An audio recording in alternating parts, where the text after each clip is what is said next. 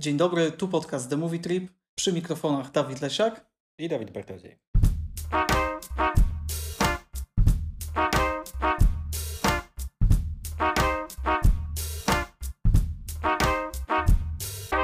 W dzisiejszym odcinku, a jest to już odcinek numer 11, omówimy trzy filmy. Australijski Baby Thief w reżyserii Shannon Murphy, chińską produkcję Jezioro Dzikich Gęsi w reżyserii Diao Inanea oraz hiszpańską produkcję Liberté Alberta Sery. Zacznijmy od Baby Teeth. W tym filmie zmagająca się z nowotworem Mila poznaje pewnego dnia Mosesa, który odmienia jej życie. To brzmi jak bardzo generyczna zajawka filmu um, i myślę, że można więcej razy użyć tego słowa w kontekście tego filmu, ale tylko i wyłącznie po to, żeby za chwilę zaprzeczyć i powiedzieć, że tylko i wyłącznie na pierwszy rzut oka może się tak wydawać, bo tak naprawdę to wcale generyczny nie jest. To jest film, który wpada w kategorię e, filmy o ludziach umierających na raka albo filmy o nieprzystosowanych osobach chających życie w szarą egzystencję klasy średniej. Natomiast w obydwu tych kategoriach on nie, nie powtarza schematów, które sprawiają, że one są nieoglądalne. W ostatnich latach mieliśmy dość sporo filmów o odchodzących nastolatkach, no i w nich pewne tropy pojawiają się zbyt często do tego stopnia, że, że, że film przestaje być po prostu oglądalny, bo, bo czujemy, że już go widzieliśmy i czujemy, że ten nowy nic specjalnie ciekawego do, do, do tej kategorii nie wnosi. Baby Teeth jest lepsze pod tym względem, że on unika pierwszej, podstawowej, problematycznej rzeczy właśnie w filmach o, o chorych na raka nastolatkach, Czyli jest tam bardzo mało epatowania tą chorobą. Jest bardzo mało, nie ma w zasadzie żadnych scen szpitalnych, nie ma pokazywania, jak bardzo ta osoba cierpi fizycznie. Wszystko to, to, co widzimy na ekranie, wiąże się raczej z tym cierpieniem psychicznym, z przygotowaniem do odejścia, ewentualnie z jakąś tam walką o życie. Jakkolwiek wszystko to, co teraz mówię, brzmi dramatycznie i ponuro, to jest to też film, w którym jest bardzo dużo pozytywnej energii i to na niej reżyserka bardzo często się skupia. Murphy e, stawia w centrum bohaterkę, ale nie jej chorobę. Wszelkie znane nam pułapki zostały gdzieś tam usunięte ze scenariusza, mianowicie choroba dosłownie została usunięta. Wszelkie względy, e, tak jak powiedziałeś, fizyczne i medyczne są gdzieś w tle i to bardzo dalekim tle. E, natomiast na pierwszym planie mamy pięknie urządzone wnętrza i ciepły australijski klimat, i to pozwala się skupić na osobie głównej bohaterki, na Mili, jej przeżyciach i wszelkich ulotnych takich mikromomentach, które są jak takie migawki, pojawiają się wyłącznie w pewnym okresie życia. Istnieją tylko wtedy, gdy ma się naście lat, i to reżyserce udaje się świetnie ująć a wszystkim tym przygodom i, i, i walce z chorobą przyglądają się w dość ostrożny sposób rodzice e, Mili, psychiatra Henry i niespełniona pianistka Anna. Oboje grani przez, znaczy psychiatra grany przez e, Bena Mendelssohna i, i matka grana przez Essie Davis. Ci rodzice są siłą rzeczy bardzo istotnymi postaciami dla, dla Mili. I troszeczkę wokół nich kręci się cały jej świat, dlatego też moment, w którym ona poznaje Mozesa, mimo że mogący wyglądać na drastyczny w pierwszej chwili, jest czymś, co odmienia jej życie, ponieważ w tym Mozesie znajduje coś, czego w jej życiu nie ma, mianowicie jakąkolwiek radość. Ona znalazła się w takiej sytuacji, że, że, że w jej domu nie czuła już, że istnieje jakiekolwiek życie, co było o tyle problemem, że ona jakby nie miała za bardzo wyboru, nie, nie miała opcji, że za, za 3-4 lata, kiedy się już wyleczy, będzie mogła żyć, bo ona wcale nie miała pewności, że to za 3-4 lata nastąpi. Natomiast takie podejście zdawali się przyjmować troszeczkę bezwiednie rodzice, ponieważ oni żyli swoim codziennym życiem, oczywiście, ponieważ musieli wykonywać swoje obowiązki zawodowe i tak dalej, i tak dalej ale jednocześnie większość ich uwagi była skupiona na, na walce córki z chorobą, większość ich energii była temu poświęcana i widać, że oni tym procesem byli już naprawdę wyczerpani. Mm, nie mieli siły, żeby wyprodukować jakąś dodatkową energię, którą mogliby tchnąć w mile, tak żeby, tak żeby dać jej radość w życiu i do tego też cała ta rodzina zdawała się tak popadać w marazm i w beznadzieję. Dokładnie. I Murphy dużo uwagi poświęca e, tym rodzicom i relacji e, ich z córką. Oni są postawieni w obliczu takiej totalnej bezradności, no bo co z tego, że mają pieniądze i bardzo mocno kochają swoją córkę i próbują ją wyleczyć, ale to jest na nic w walce z chorobą. Dlatego zgodzą się i idą na ustępstwa takie właśnie jak związek Mili z właściwie bardzo podejrzanym i nie do końca dookreślonym Mosesem, człowiekiem trochę znikąd, ni to nastolatkiem, ni to dorosłym. E, skąd inąd bardzo ciekawa postać. No po prostu oni wiedzą, że to jest taka ucieczka od zła i od choroby dla Mili, dlatego, dlatego godzą się na wszystkie jej dziwne pomysły i, i jakieś zwariowane akcje, a jest ich tam sporo. No i dotarliśmy do tego Mosesa, więc zatrzymajmy się przy nim na chwilę. To jest postać, przy której po raz kolejny możemy powiedzieć, że oho, tutaj reżyserka uniknęła ryzyka powielenia jakiegoś tam tropu, jakiejś kliszy, która podobnych filmach w przeszłości się pojawiała. Ponieważ Moses oczywiście z jednej strony jest taką osobą społecznie nieprzystosowaną, więc to by się zgadzało. Jest taką osobą, która żyje każdym dniem i to też by się zgadzało. Mm, no i takie postaci w całym szerokim spektrum filmów, sięgając aż tak daleko od gatunku, o którym rozmawiamy, jak do, nie wiem, do musicali, czy do, czy do filmów typu Dirty Dancing, zawsze tam jest taka osoba, która jest będąca poza prawem, która wydaje się być ekscytująca, etc., etc. Natomiast Moses jest ekscytujący tylko i wyłącznie z tego powodu, że w nim jest to życie, bo wszystko inne w nim jest problematyczne albo wręcz niepokojące.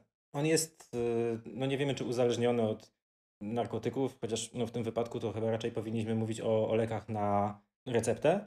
On jest drobnym przestępcą, większość swojego czasu spędza na albo graniu w kosza z kolegami, albo właśnie opychaniu kolejnej partii tabletek komuś na osiedlu. On obraca się w środowisku, w którym naturalnie występuje przemoc. No i on pewnego pięknego wieczoru zostaje przyłapany przez, e, przez matkę Mili na tym, że opracowuje jej e, apteczkę z, z leków tam się znajdujących, tylko po to, żeby spieniężyć je później na ulicy. Więc kiedy słuchamy sobie takiego opisu postaci, to być może to nie jest gość, z którym chcielibyśmy, patrząc z perspektywy rodziców Mili, żeby nasza córka spędzała swoje cenne godziny, ale z drugiej strony ich perspektywę też trzeba zrozumieć, ponieważ widzą, że przy tym Mozesie Mira faktycznie odżyła, że ona znalazła w nim ten drobny pierwiastek, który jest dla niej znacznie ważniejszy niż te wszystkie inne rzeczy.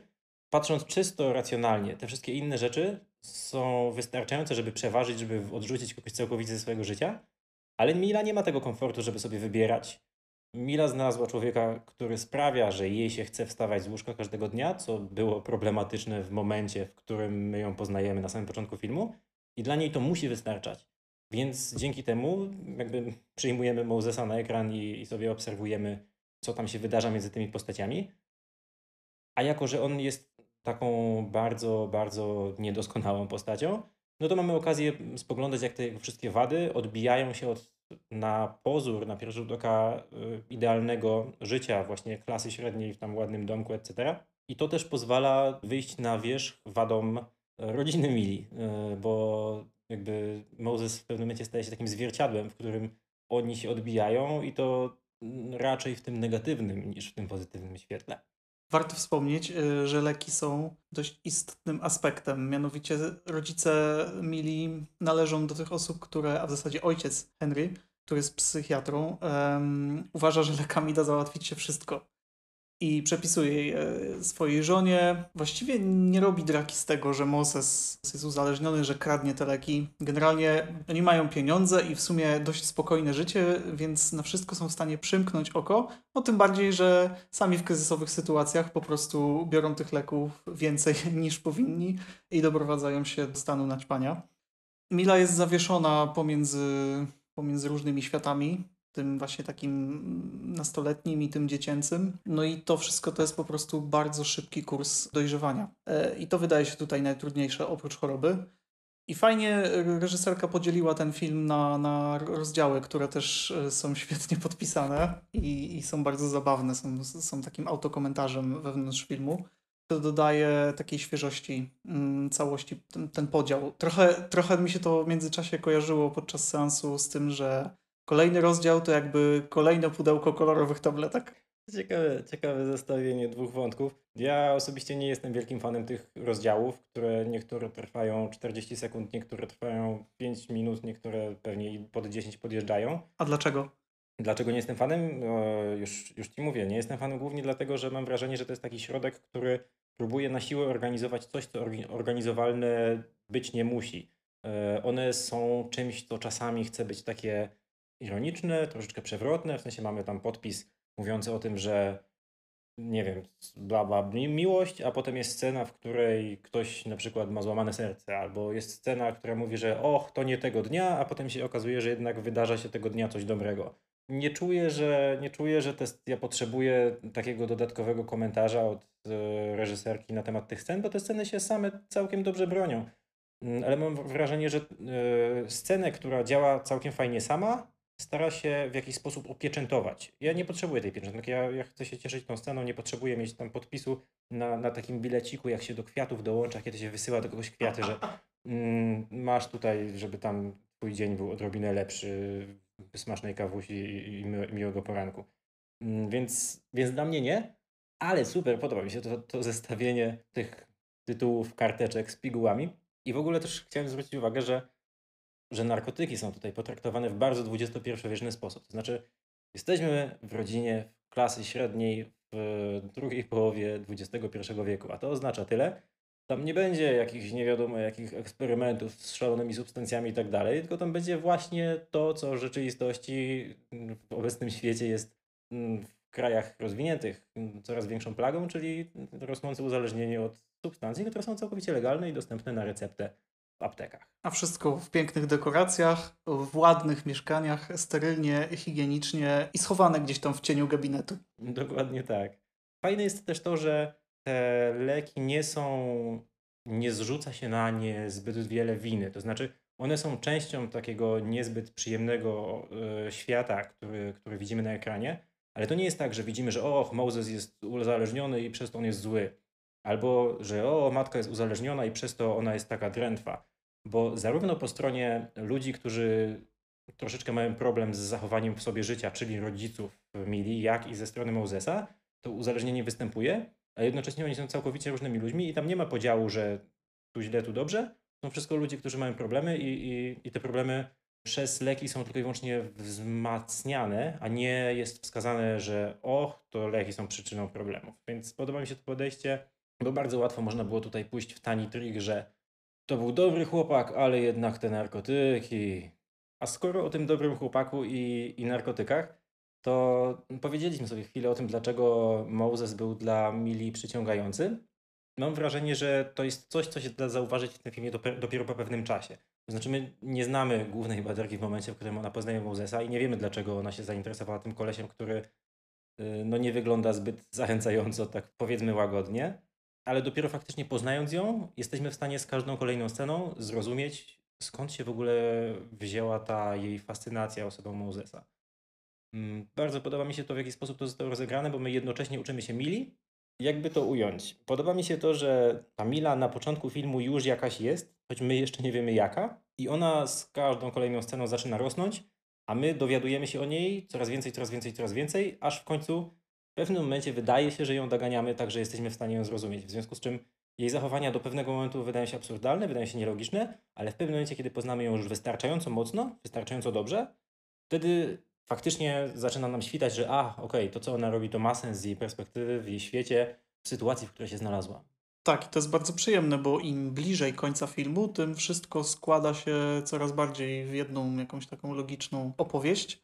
I wcale nie zgodzę się z tym, że niektórzy recenzenci piszą, że film na końcu robi się zbyt słodki. Nadchodzi ta śmierć, nie jest y, włożona w takie ramy szantażu emocjonalnego wobec, wobec widza. Y, Jasne, że może złapać za gardło, natomiast to jest bardzo szczere i bardzo bezpośrednie i absolutnie nie, nie, nie, nie wiąże się z jakimś, tak jak powiedziałem, szantażem czy, czy nadużywaniem po prostu środków filmowych, takich uproszczonych w, w pokazywaniu cierpienia. Całkowicie się z Tobą zgadzam. Uważam, że zakończenie jest bardzo zgrabne, zostało zrobione przez, ze smakiem mm, i, i właśnie z taką dość dużą czułością.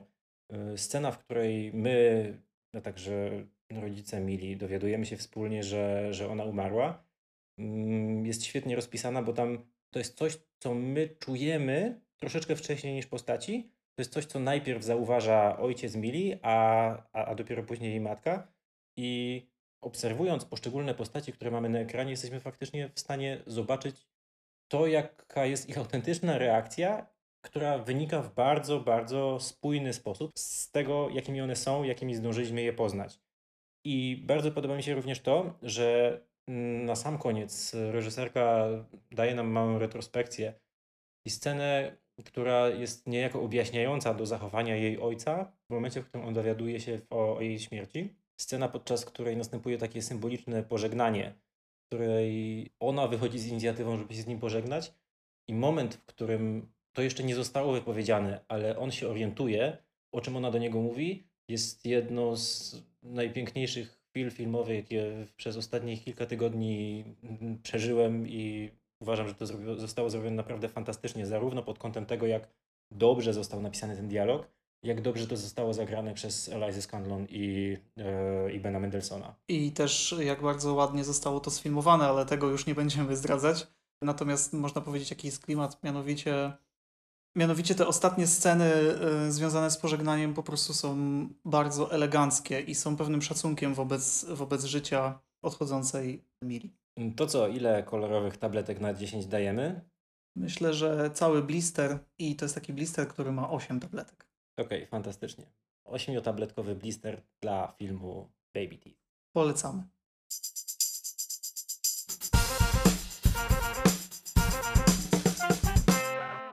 Przejdźmy do jeziora Dzikich Gęsi, w którym uciekając przed członkiem wrogiego gangu, Zał zastrzelił policjanta, a teraz musi mierzyć się z konsekwencjami.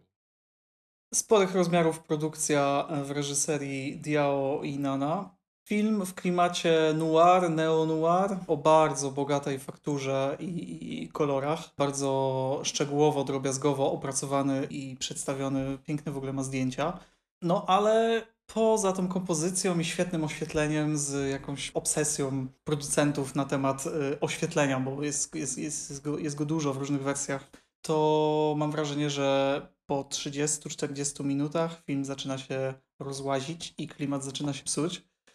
Fajne są pojedyncze sceny, na pewno. Na pewno świetna jest e, scena przygotowywania się do okradania e, miasta mm, z motocykli, bo mamy tam gangi motocyklowe, które ze sobą współpracują, są to różne rodziny. To też nie do końca jest e, wszystko wyjaśnione.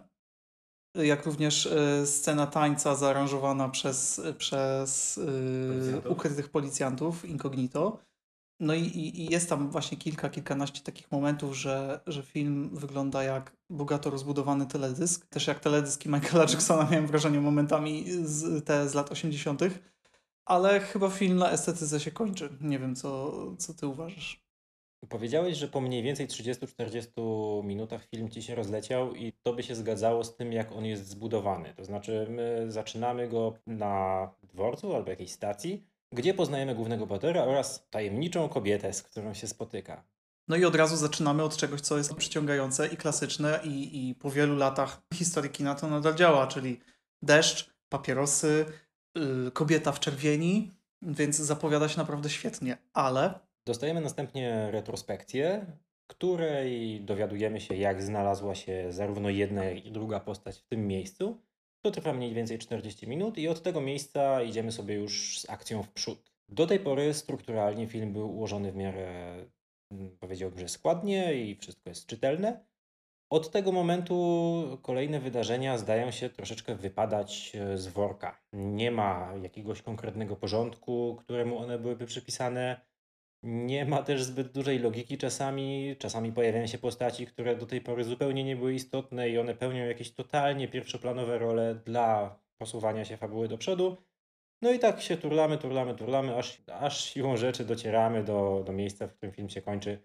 Mógłby się skończyć pół godziny wcześniej, mógłby się skończyć pół godziny później. W żaden sposób nie wynika to z tempa. Tutaj mam wrażenie, że nie przejmowali się nim twórcy zupełnie skoncentrując się właśnie na tych aspektach wizualnych, tak jak mówisz. I to szczerze mówiąc, to nie jest coś, co by mnie jakoś bardzo bolało, bo ja nie mam dużego problemu z tym, że filmy są rozlazłe. Ja jestem wielkim fanem filmów Lava Diaza, ja nie mam problemu z tym, żeby sobie siedzieć w kinie i patrzeć, jak się dzieją kolejne rzeczy, które się leją z ekranu. Problem polega na tym, że ja lubię, jak rzeczy są spójne, a przynajmniej jeżeli spójne nie są, to mają ku temu dobry powód.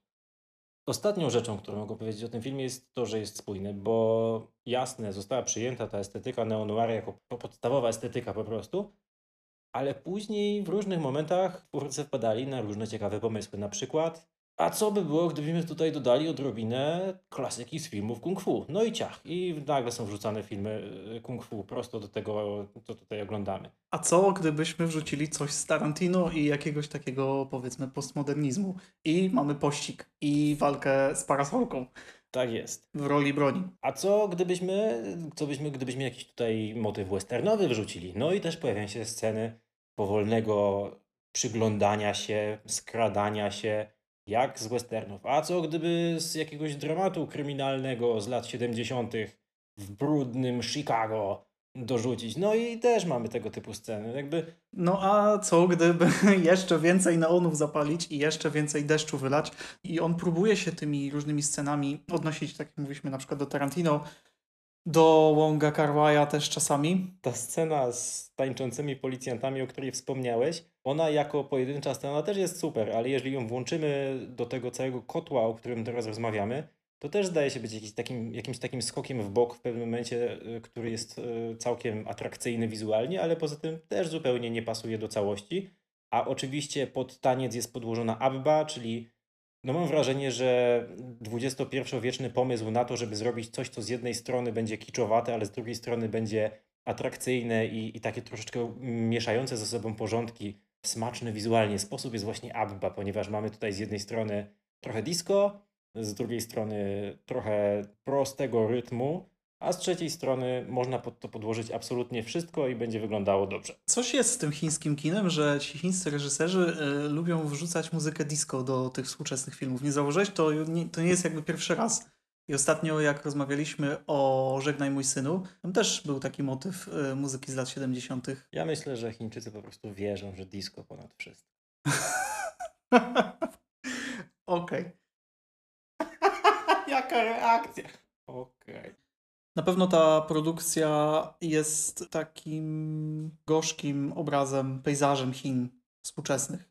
Poza tymi wielkimi miastami pełnymi szklanych wieżowców i zachodnich marek, wciąż mamy mnóstwo miejsc, które są bardzo zaniedbane. Skąd inąd wyczytałem gdzieś, że akcja tego filmu dzieje się w Wuhan i jego okolicach. No i po prostu chyba jest to ta część Chin, którą teraz wyciąga się na, na, na światło dzienne, żeby pokazać, e, że to nie do końca prawda, że jest tam aż tak bogato i pięknie i wciąż jest to kraj pełen kontrastów. Ja w ogóle myślę sobie, że takie rozbieranie Chin albo spoglądanie na kontekst społeczny w Chinach, albo na to, jak szybkie przemiany społeczne wpłynęły na ludzi w tym kraju, to jest jedyna rzecz, która dociera z Chin do Europy w kinie. Mam wrażenie, że nie widziałem chińskiego filmu, który w jakimś tam stopniu nie byłby dekonstrukcją tego obrazu potężnego, zasuwającego do przodu Molocha, który jest największą potęgą gospodarczą na świecie, a przynajmniej za chwilę będzie.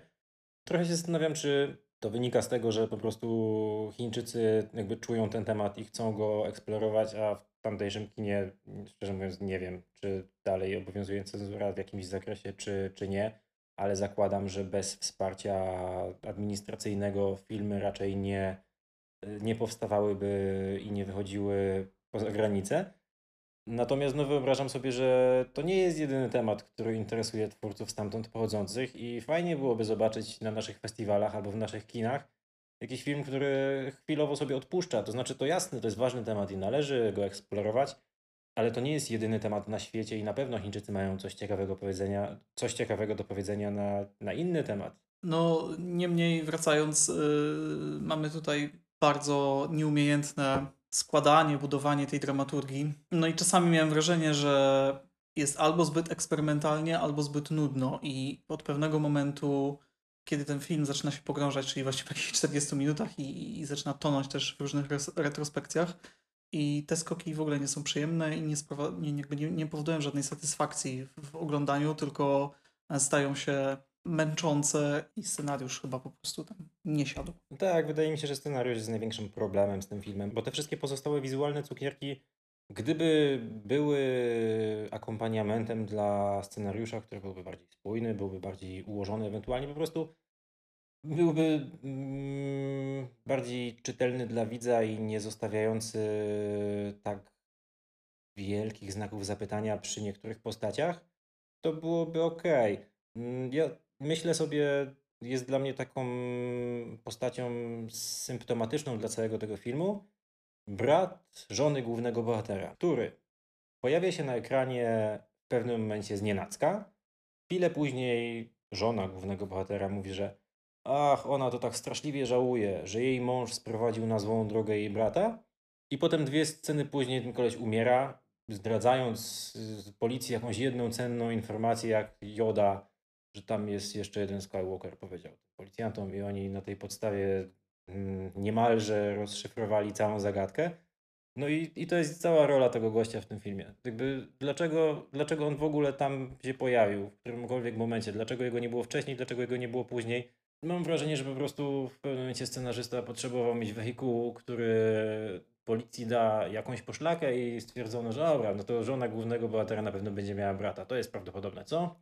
Dobra, wpisz tam. Będzie, będzie się zgadzało. Ale podobnie też ta żona. Ona też zachowuje się niekonsekwentnie i wydaje się słabo napisaną postacią, której działanie wpisane są po prostu zupełnie przypadkowe i, i, i jakieś niekonsekwentne, chaotyczne zachowania. I to często widać patrzysz i myślisz sobie, what the fuck, co tu się w ogóle stało? Jakby dlaczego ona znowu stoi, patrzy w pustkę i nic to nie znaczy, do nikąd nie prowadzi. A wszystko to, o czym mówimy, mm, kręci się wokół magafina, którym jest 300 tysięcy juanów które to zostało wyznaczone przez policję jako nagroda za pomoc w schwytaniu y, zał. No i siłą rzeczy, w momencie, w którym pojawia się taka nagroda, pojawiają się postaci, które są zainteresowane jej zgarnięciem. Tutaj w logiczny sposób y, pojawiają się te motywy westernowe, skoro mamy tak klasyczny westernowy motyw jak łowcy nagród. Dlatego też dziwnym nie jest, że widzimy na ekranie po prostu szereg postaci, niektórych nowych, które byłyby zainteresowane zgarnięciem tej kasy i też nie mamy takiej wiedzy narratora wszechwiedzącego. Nie wiemy, kto tutaj z kim, w jaki sposób knuje. Dowiadujemy się tego tylko i wyłącznie w momentach, w których albo główny bohater, albo jego żona e, rozmawiają z tymi postaciami i w sumie to do końca chyba nie wiemy, komu możemy wierzyć. Wiemy tyle, że mm, każdy po prostu chce odrobinę tej kasy dla siebie, i wiemy, że główny bohater jest zainteresowany przede wszystkim tym, żeby po jego schwytaniu kasa przypadła jego żonie, tak żeby ona mogła ułożyć e, życie ich dziecku. I to są dwie stałe, a wokół tego mm, biegają niczym po prostu postaci z komiksów wszystkie te e, złe kreatury, które są zainteresowane tym, żeby akurat walizkę z pieniędzmi, chociaż tutaj akurat no, taka nie występuje, zgarnąć dla siebie. Ja teraz sobie jeszcze myślę, że jest jedna rzecz, o której nie powiedzieliśmy, czyli, czyli ta policja. Policja bardzo celowo przedstawiona jako taka nie do końca kompetentna. To jest w ogóle motyw powtarzający się w azjatyckim kinie, to znaczy policjant kretyn. Karykatura policjanta. Tak jak powiedziałeś, na początku filmu mamy scenę, w której gangsterzy planują sobie noc, podczas której będą kradli motocykle, no to chwilę później mamy kalkę tej sceny na komisariacie policji, podczas której policjanci wskazują sobie e, tereny do patrolowania i to jakby jest e, fantastyczny akurat e, sposób na zapowiedzenie nam, jak my mamy patrzeć na tych policjantów.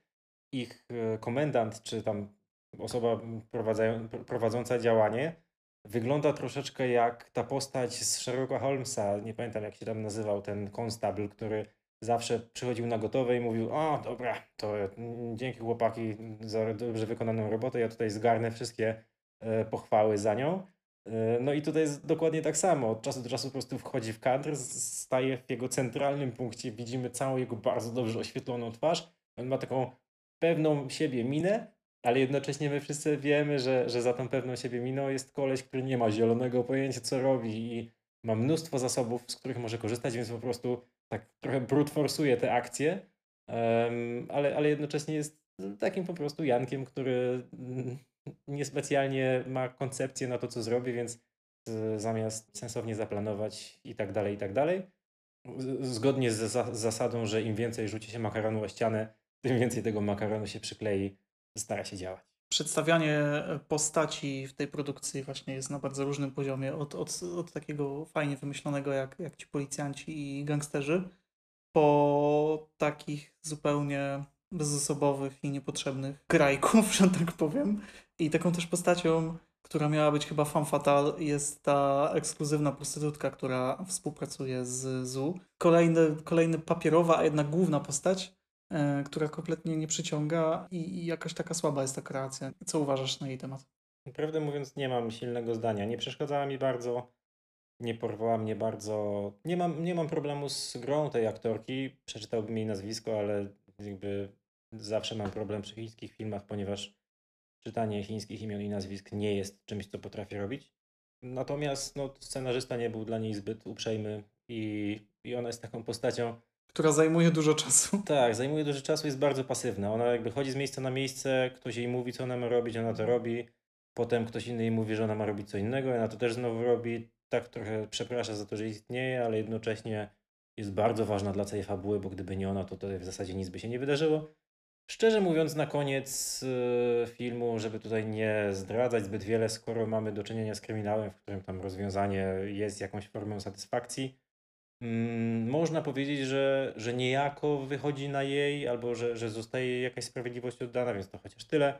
Natomiast y, czy ona na to zasłużyła z perspektywy tego, co się działo na ekranie? Chyba tylko i wyłącznie przez wzgląd na współczucie dla niej, bo, bo z żadnego innego powodu. Natomiast krytykom film bardzo się podoba, w związku z czym jeżeli chcecie wiedzieć, czy to my mamy rację, czy oni, nie macie innego wyjścia i po prostu musicie iść do kina. Film jeszcze jest grany w niektórych kinach, dlatego bardzo serdecznie zapraszamy ponieważ nawet na filmy, które są uznawane za słabe, należy obecnie chodzić do kin, ponieważ Ponieważ sytuacja na rynku kina jest właściwie fatalna. Każda chyba wydana złotówka w kinie się liczy. Mamy już coś takiego, co ostatnio w rozmowie ze znajomymi nazwałem e, Tenet Case, czyli przekładanie premier, bo nie wiadomo, co będzie za chwilę. Więc warto wspierać kilkanaście złotych. Gdzieś tam będzie miało duże znaczenie dla branży. A dzięki temu będziecie potem mogli napisać do nas w Instagramie, że się kompletnie nie znamy i że zajebisty film, więc zapraszamy. Właśnie czekamy na feedback.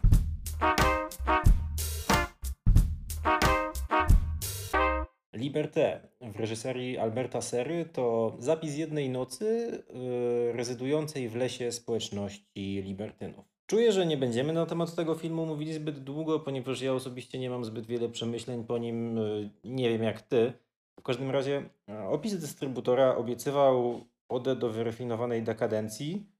Czuję, że to nie jest uczciwe oddanie tego, co zaprezentował nam reżyser. Słowo wyrafinowana bardzo mi tutaj nie pasuje w tym kontekście. Zawsze przy tego typu filmach, bo tutaj, żeby w dużym skrócie opowiedzieć, z czym mamy do czynienia, to faktycznie mamy do czynienia z takim bardzo powolnym zapisem bardzo mało smacznej orgii, który trwa sobie tam dwie godziny z małym hakiem. Zawsze przy takich filmach pojawia się temat, gdzie jest granica kina. Dla mnie dyskusja o granicy kina mogła się odbywać w latach, nie wiem, 60., kiedy jeszcze ludzie pamiętali o czymś takim jak ten cały kodeks Heisa, czy jak to się tam nazywało. Yy, I no, można było dyskutować o tym, jak wyglądają różnice w kinie pomiędzy Europą, która była taka wyzwolona, bo można było pokazywać łokcie, i Ameryką, w której nie trzeba było w burkach chodzić, jakby troszeczkę przesadzając. Gdzie kino, a gdzie pornografia? Tak, natomiast no, w dzisiejszych czasach jest oczywiste, że możemy zrobić w kinie wszystko. Yy, I no nie chcę mi się na ten temat rozmawiać. Może to jest zajmujące intelektualnie dla kogoś, dla mnie niespecjalnie. Reżyser mówił, że, że on oczywiście, że prowokuje tym filmem i sprzedał taką myśl, że yy, skoro ten film traktuje o wolności, to jeżeli jest problematyczne to, co się w nim dzieje dla kogokolwiek, to znaczy, że on nie jest tak naprawdę wolny, co no też jest takim artystowskim pieprzeniem trochę. Nie chcę jakby, mm, nie chcę być filistrem, który w ogóle nie podejmuje dyskusji. To może tak, chodzą od ciała do ciała e, i ich jedynym celem, zadaniem jest po prostu spróbowanie każdej możliwej przyjemności seksualnej, jaka przyjdzie im do głowy. Natomiast to chodzenie to mi się podobało, w sensie ja, ja byłem, to jest jedna rzecz, która w tym filmie na- naprawdę do mnie trafiła, jak postaci tak bardzo zwierzęco się skradają, w tym sensie, że one odwracają najpierw oczy, a potem odwracają głowę, albo y, słyszą, że się coś dzieje, gdzieś poruszyła się jakaś gałązka i mówią, "O, coś się dzieje i się odwracają i tam się tak czają i wszyscy mają wypisaną taką niepewność w oczach. I w tym jest coś, co jest interesujące, co w jakiś sposób pokazuje ludzi jako zwierzęta, które że tam w dziczy się skradają i tak dalej. I jest tutaj y, połączenie tych trzech motywów, że ktoś jest jednocześnie zwierzęce, zwierzęciem, ale człowiekiem, ale też tam voyeurem, którym jest w tym wypadku zarówno ekranowy bohater, jak i widz przed, przed, yy, przed ekranem. No ale tutaj się kończą ciekawe rzeczy. Później, mm, później w zasadzie mamy zapis realizacji jakichś tam e, rządzy poszczególnych bohaterów. No i patrzymy na nie tak troszeczkę jak, e, nie wiem, na, naukowcy pod mikroskopem. Nie jest to w żaden sposób zajmujące. Intelektualnie nie jest to niestety zbyt przyjemne wizualnie. No właśnie, on nie jest e, przyjemny wizualnie, w takim sensie, że tak naprawdę w ogóle nie jest erotyczny i nie wzbudza, nie wzbudza podniecenia w żaden sposób, bo po pierwsze mówi o bezrefleksyjności, którą jakby niesie ze sobą taka totalna chuć, po prostu rzucona tak o, bez zasad i tak dalej, i tak dalej, e, pozbawiona romantyzmu, etc.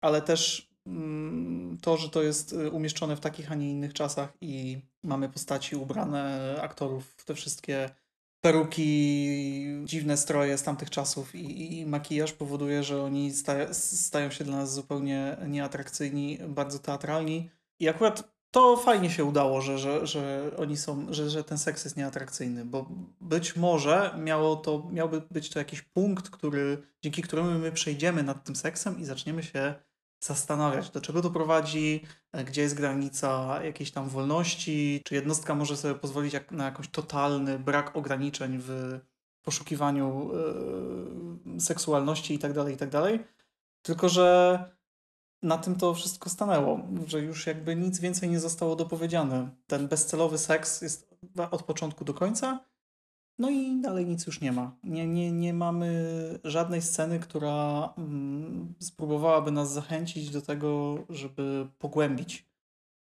pogłębić to, co chciał powiedzieć reżyser. Po prostu jest to trochę film, który może jest jakimś żartem, jakimś, jakąś beką z widza, coś takiego.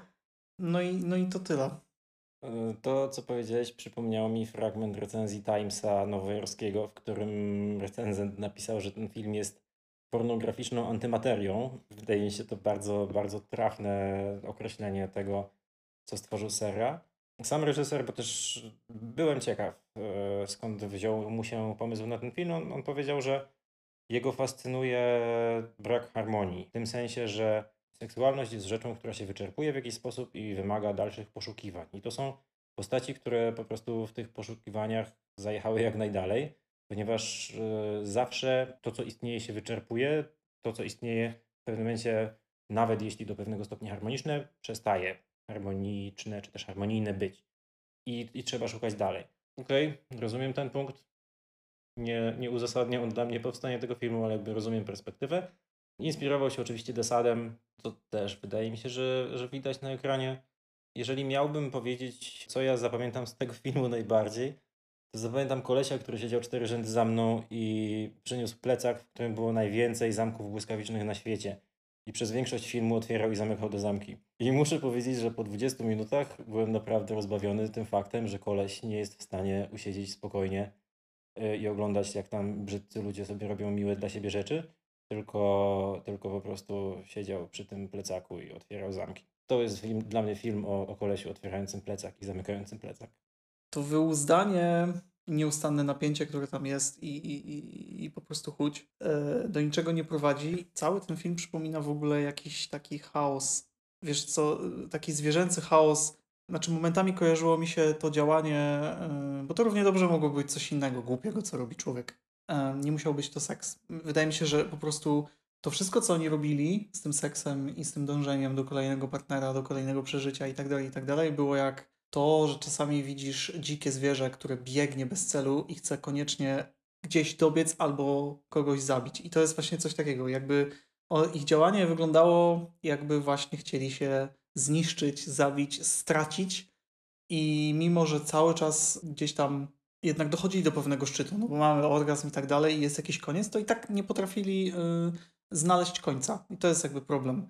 Nie wiem, czy to był problem jakiegoś uzależnienia od seksu, czy po prostu y, sam reżyser nie miał pomysłu, co z tym zrobić, dając im aż tyle wolności. A czy w tym filmie występuje jakikolwiek szczyt, jakikolwiek orgazm? Wydaje mi się, że nie i że to jest coś, co sprawia, że on jest bardziej ludzki, a nie zwierzęcy, bo bo mam wrażenie, że tutaj nikt nie został, że tak powiem, zaspokojony i w pewnym momencie nawet to jest rzecz, która jest w dialogu poruszana między bohaterami, że, że to jest coś, co się ma dziać wewnątrz, że to nie jest coś, co się w jakiś sposób będzie fizycznie wyekspresjonowane, tylko że to jest właśnie zaspokojenie takie bardziej no, intelektualne, to jest może złe słowo, ale takie duchowe w pewnym sensie i, i, i- tak jest to odbierane przez, przez postaci. W filmie poza, że tak powiem, robieniem są, jest również mówienie. No, czytałem recenzje z, z dwóch krańców spektrum. Były osoby, które były tym, w jaki sposób dialogi były prowadzone i tam, nie wiem, dyskusjami na temat tego, jaka jest w ogóle rola danej osoby w jakimś tam kolejnym seksualnym podboju. Niektórych krytyków to zainteresowało, niektórzy mówili, że to jest na poziomie kiepskiej literatury. Ja jestem gdzieś po środku, bo mnie się osobiście niektóre dialogi podobały, ale troszeczkę z tego powodu, że one przekraczały granice absurdu. I nie mówię tutaj o dialogach, które były e, opisami fantazji seksualnych, tylko mówię o dialogach, które w jakiś sposób starały się osadzić właśnie tych libertynów w prawdziwym świecie. I oni mówią, że ten nasz ruch to musi swoje własne cele spełnić, ponieważ dzięki temu świat będzie lepszy, etc. Mm, I kiedy, kiedy postaci wypowiadają takie mm, buńczuczne zdania, znajdując się w jakimś lesie, w którym e, jakby ich pozycja do wpływania na świat jest mniej więcej zerowa, to daje to pewien taki mm, interesujący, troszeczkę komediowy, a troszeczkę tragiczny efekt. To, to zabawne w ogóle jest tutaj podzielenie przestrzeni na przestrzeni wewnątrz i na zewnątrz. Są rzeczy, które się dzieją po prostu w lesie, a są w jakichś tam em, lektykach. Nie wiem, czy to są lektyki, czy to są jakieś tam pozostałości po karocach. No w każdym razie Takie budki uciechy. Tak, tak, okej, tak rozumiemy. Budki uciechy. No i, i to głównie w budkach uciechy dzieją się dialogi i no i akurat w nich można znaleźć kilka zabawnych albo, albo interesujących rzeczy. Ja w pewnym momencie, z uwagi na to, że film jest dość długi, zacząłem sobie nazywać różne postaci i na przykład bardzo podobało mi się duo, było takich dwóch panów, jeden wyższy i szczuplejszy i bardziej zasuszony, a drugi, drugi niższy i bardziej korpulentny. I dla mnie to byli Dracula i Casanowa i oni właśnie tak najbardziej gustowali w tym chadzaniu po lesie i łypaniu oczami, co to się zadziewa, gdy tylko w ich okolicy jakaś gęs- gęstwina zaszeleściła. Chciałbym w sumie jeszcze mm, chyba na koniec powiedzieć, że jestem rozczarowany Albertem Serą, bo jego ostatni film, czyli Śmierć Ludwika XIV, bardzo mi się podobał. Bardzo mi się w tamtym filmie podobało to, że mm, ci wszyscy ludzie byli tacy niekompetentni i że oglądaliśmy jak wielki, wielki władca umiera otoczony kretynami i że sam też nie jest zbyt inteligentny i że mm, tam słudzy starają mu się wcisnąć jakiekolwiek jedzenie do ust, bo to będzie znaczyło, że on jednak jest zdrowy i może jeść i należy mu bić brawa i to wszystko było takie dziecinne, mimo że mówiliśmy o najbardziej potężnych ludziach na świecie i to faktycznie mm, rezonowało. No a tutaj, no a tutaj nie rezonuje. Czyli znalazłeś jakieś momenty do uśmiechu. Bo ja miałem tylko podczas tego filmu momenty uśmiechu, politowania. Tak, myślę, że wiesz, to, to nie jest takie 1 na 10, to z mojej perspektywy jest 2,5, ale, No, wysoko. ale zupełnie nie dlatego, co sobie umyślił reżyser, mam wrażenie, że ja w tym filmie znalazłem drobne rzeczy, które są powiedzmy, że na obrzeżach tego, co jest główną istotą Liberté. Podsumowując, możecie sobie podarować ten film. Nie polecamy. Gdybym miał cofnąć czas i się zastanowić, czy chcę go zobaczyć jeszcze raz, czy nie, to nie wiem, czy bym go zobaczył. No, tak, tak to ujmę. A tymczasem trzymajcie się w dobrym zdrowiu i do usłyszenia. Cześć. Cześć.